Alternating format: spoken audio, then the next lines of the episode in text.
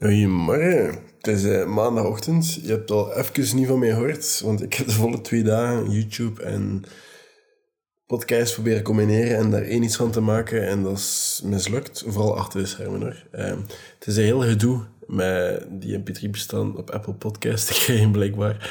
Um, het ging niet altijd en ik weet zelfs niet wat sommige podcast dat je zelfs kan luisteren, niet op eh, Apple.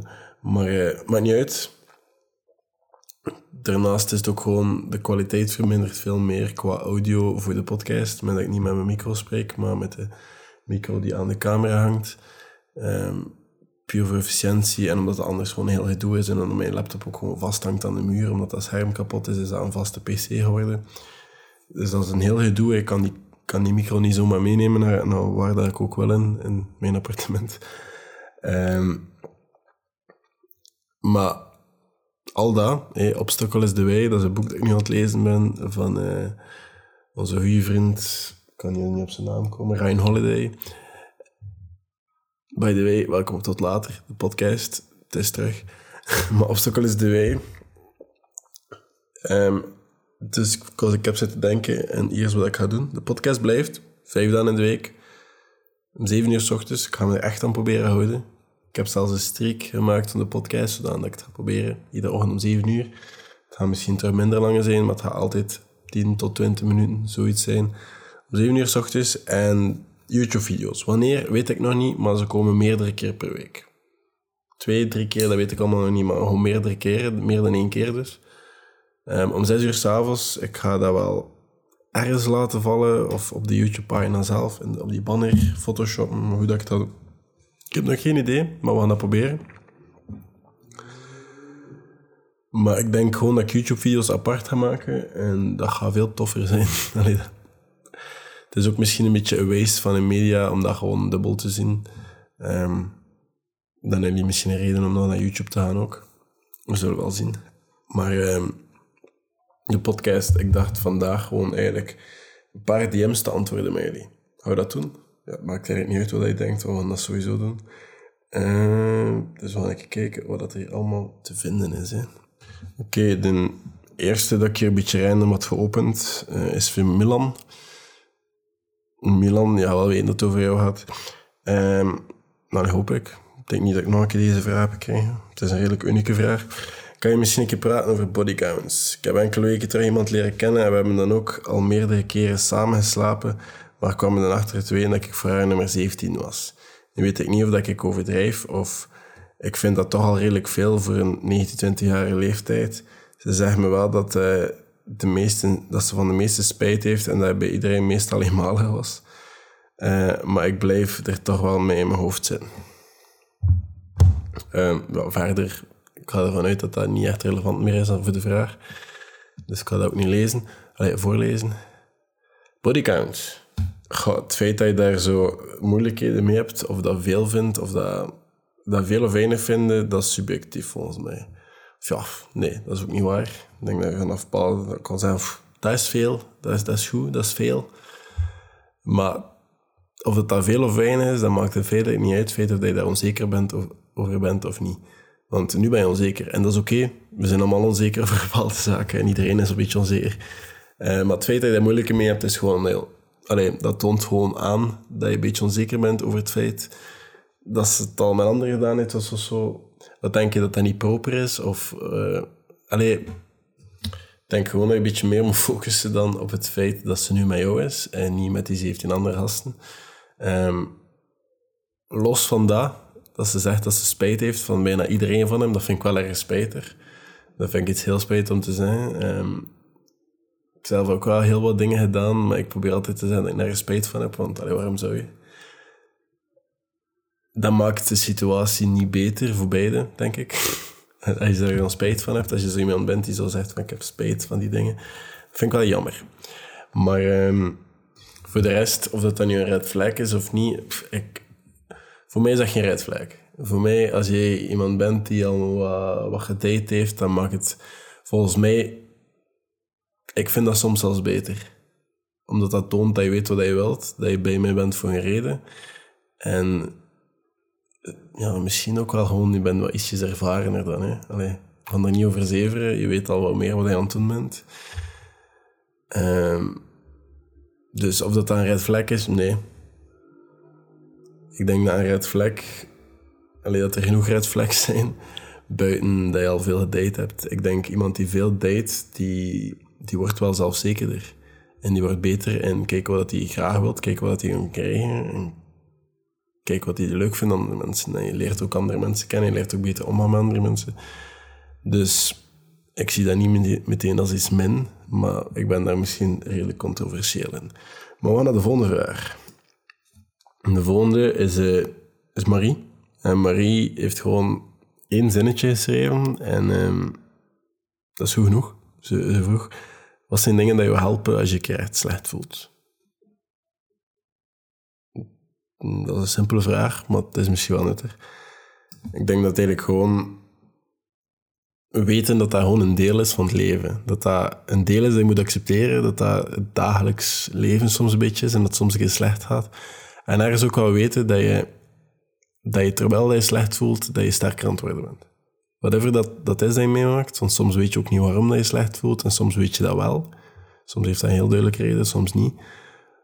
Maar whatever dat, dat is, dat ga je sterker maken. Of dat je nu beter gaat voorbereid zijn, moest er nog een keer zoiets gebeuren, of dat je gaat sterker kan omgaan met emoties, of je gaat slimmer zijn, je sterker, sneller, whatever. Je komt altijd beter uit de situatie en dat is ook wel een soort van geruststellend. Hoe moeilijk dat, dat ook is op sommige momenten, hoe pijnlijk of hoe down en hoe graag dat ik verdrietig ben op zo'n moment, ben ik wel altijd blij dat ik weet dat op een moment stopt dat en op een bepaald moment ga ik daar beter uitkomen dan ik eruit was. Want als je mij de vraag stelt of dat ik alles opnieuw zou doen in mijn leven, inclusief mijn jeugd en dingen dat ik heb meegemaakt, ik, ik zeg altijd ja. Omdat, moest ik dat niet doen, zou ik niet hier nu zitten achter mijn bureau in mijn eigen appartement. Allee, snapte? Dat zo... Ik zou niet de persoon zijn dat ik nu ben, moest ik al die dingen niet meegemaakt hebben.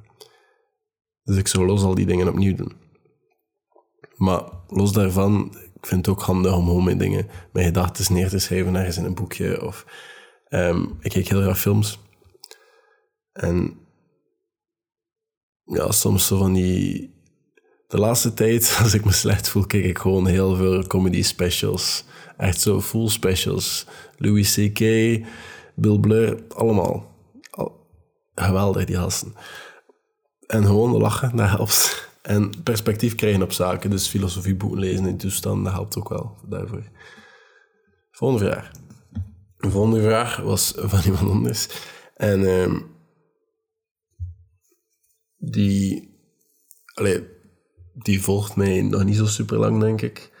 Of die heeft nog niet zoveel podcasts of zo geluisterd. Maar die vroeg of dat ik, um, dat ik gelovig was. En of dat ik iets van spiritualiteit spirituele kijk had op de wereld. Of dat ik geloofde, en dat was wel een leuke vraag, dat ik geloofde in het leven na de dood.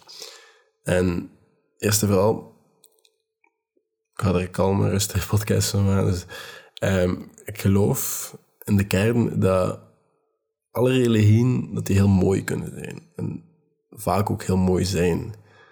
En ik geloof er ook wel in dat die, dat die hulpvol zijn. En dat je die met respect moet gaan behandelen dat je niemand moet gaan oordelen over een geloof of whatever. En dat geloof wel iets is dat je met respect mag en moet behandelen. Je moet het daarvoor niet volgen, maar je moet dat wel met respect behandelen. En ik denk ook gewoon dat, dat veel religies ver aan het afdrijven zijn van wat dat ze hoort te zijn, wat eigenlijk de kern van de zaak is. Veel aan het afwijken zijn van, again, wat dat beetje misschien hoort te zijn. Ik denk gewoon zelf, ik ben een spiritueel, allez, ik ben een spiritueel persoon die gewoon spiritualiteit niet verstaat. En ik ben daar helemaal oké mee.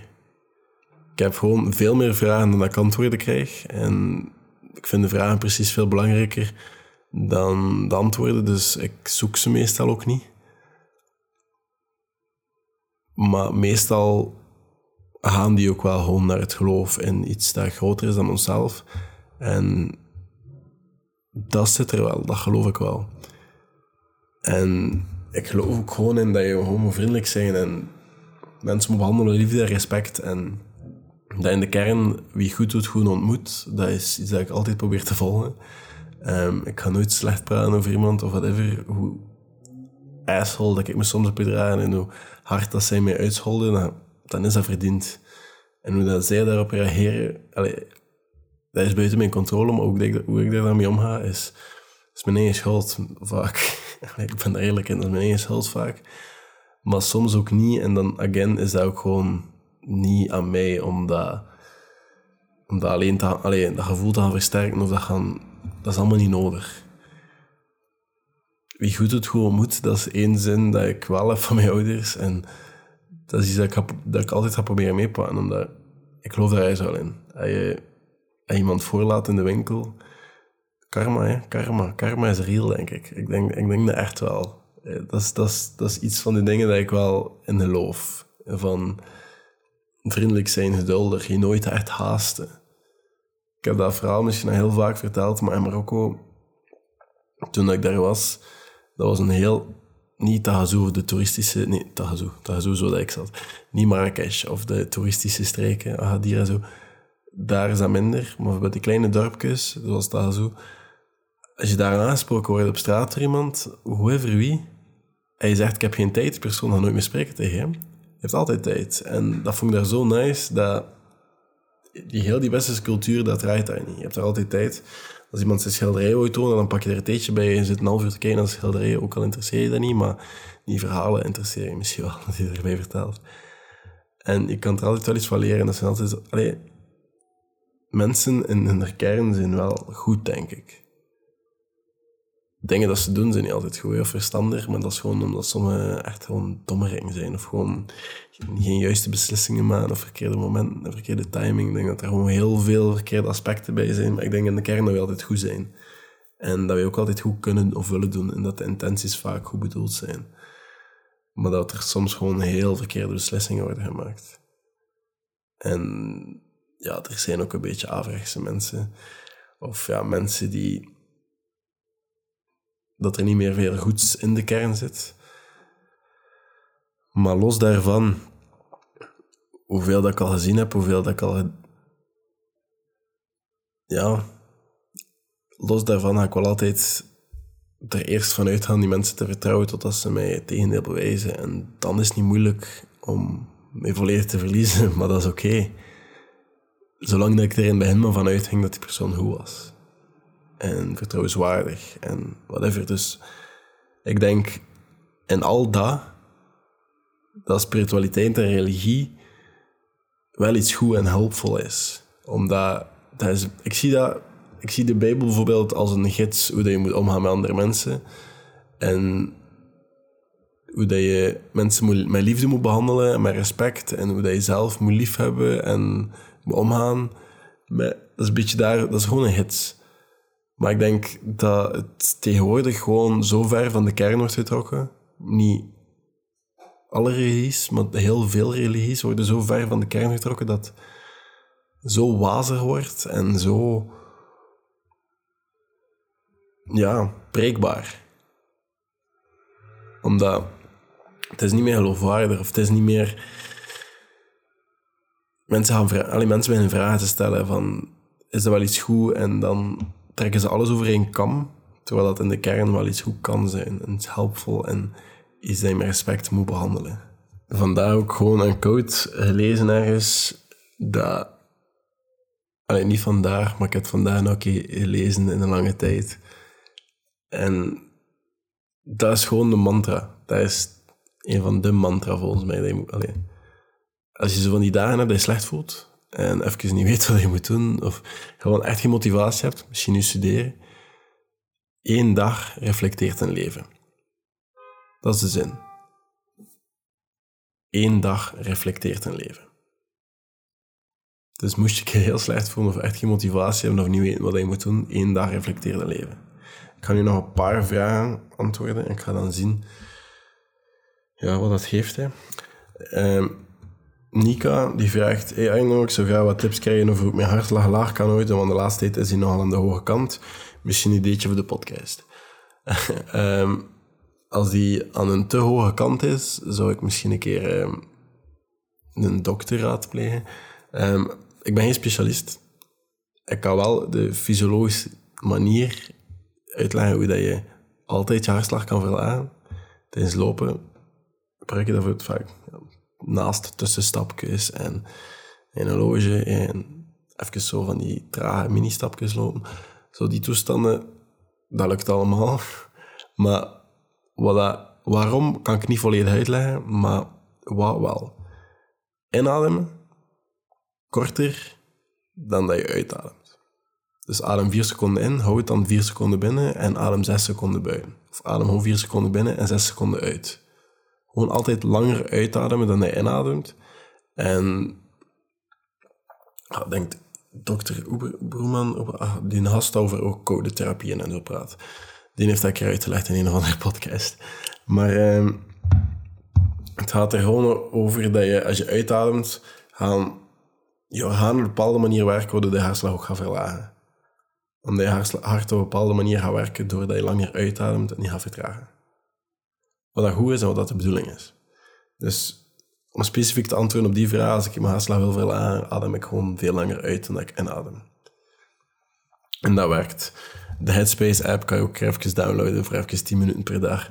Een of andere random meditatie te volgen. En die gaat gewoon zeggen, adem in en adem uit en doe je neus uit. Alleen, eerst doe je neus in en doe je mond uit. En sluit je ogen en voel je lichaam. Duw het tegen de trekpunten van je stoel of van waar je ligt of whatever. Die gaan gewoon die dingen zeggen. En jij gaat op een bepaald moment je adem moeten tellen, zo die toestanden. Maar dat helpt. Dat helpt je focussen, dat helpt je gedachten niet te stoppen. Je gedachten gaan altijd blijven werken, je hersenen blijven altijd werken, maar dan ga je beter worden in het observeren en beseffen dat je niet gedachten bent. Oké, en nu Mila, Mila die vroeg, hey, zou je een podcast kunnen doen over zelfbeschadiging? Ik en met heel veel jongeren onder ik zelf um, ermee zitten en zich ervoor schamen. Um, ja, de reden dat ik daarover geen podcast zou maken is puur omdat mijn podcast meestal gaat over eigen ervaringen en dingen waar ik wel het gevoel heb dat ik iets over te zeggen heb. Um, los dat ik heel veel mensen ken die daar iets mee te maken hebben of ja, mensen die zelf beschaden of zo, die dat, dat een deel van hun leven is kan ik daar zelf heel in over zeggen, want ik heb daar nooit echt behoefte voor gehad of nooit echt gedaan. En daarvoor schamen, ja, dat is... Schaamte is iets dat we allemaal hebben. Of dat we nu schamen omdat we altijd te laat komen, of dat we onszelf nu schamen omdat we um, ja, schreven op onze arm hebben, die toestanden. Um, Instagram um, blokkeert soms wel zo mensen die in de armen besnijden of zo, die, toestanden omdat dat als gewelddadig of zo wordt gezien of zo. Um, wat ik een beetje jammer vind, wat ik eh, niet zo oké vind van Instagram zelf, omdat dat een deel is van wie dat die mensen zijn, dat is een deel van wie dat ze geworden zijn. En op zich kunnen die mensen daar nu niks meer aan doen. En toen ook niet. Dat was hun manier van coping en hun... Die mensen zijn er ondertussen wel op hun manier over. En eh, op hun manier hebben ze daar wel waarschijnlijk mee gedeeld. Dat is niet aan Instagram om dat nu nog een keer in de zegt, dat is mijn, vind ik.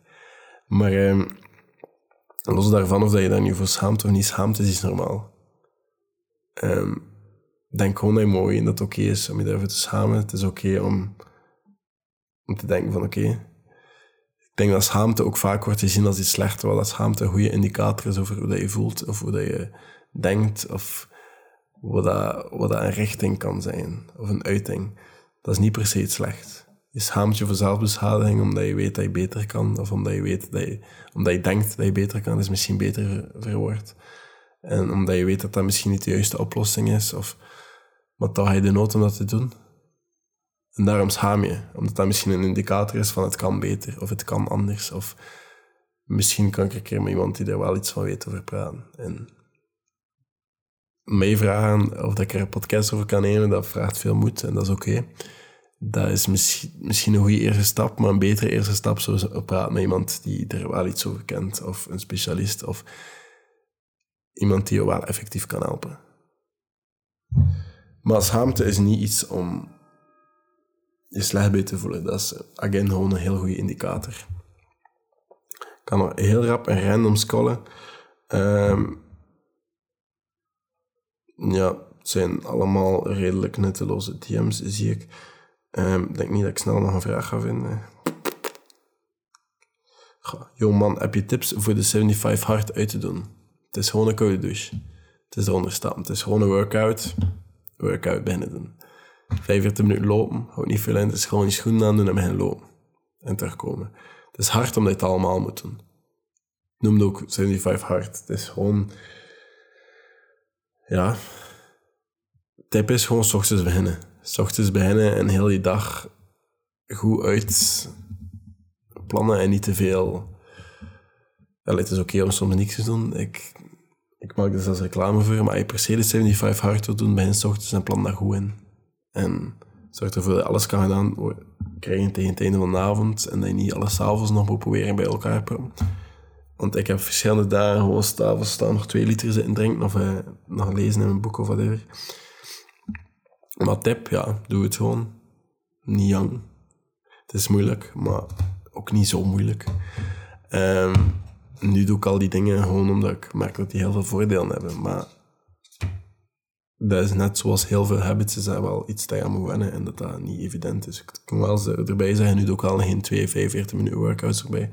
Soms is dat s'avonds dat ik gewoon twee of namiddag dat ik gewoon heel, soms drie, vier uur in de klimzaal zit of zo. En ik s'avonds nog een stretching of zo.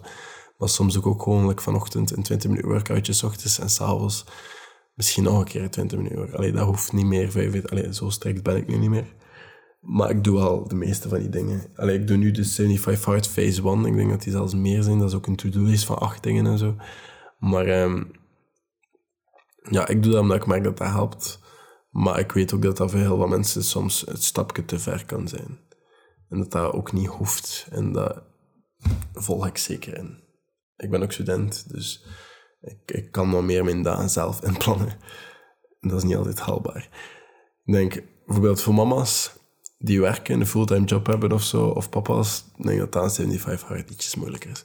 Maar eh, ik ga het hierbij laten, denk ik. Het was een goede podcast. Mij morgen terug opnieuw. Merci om te luisteren. Dit was tot later.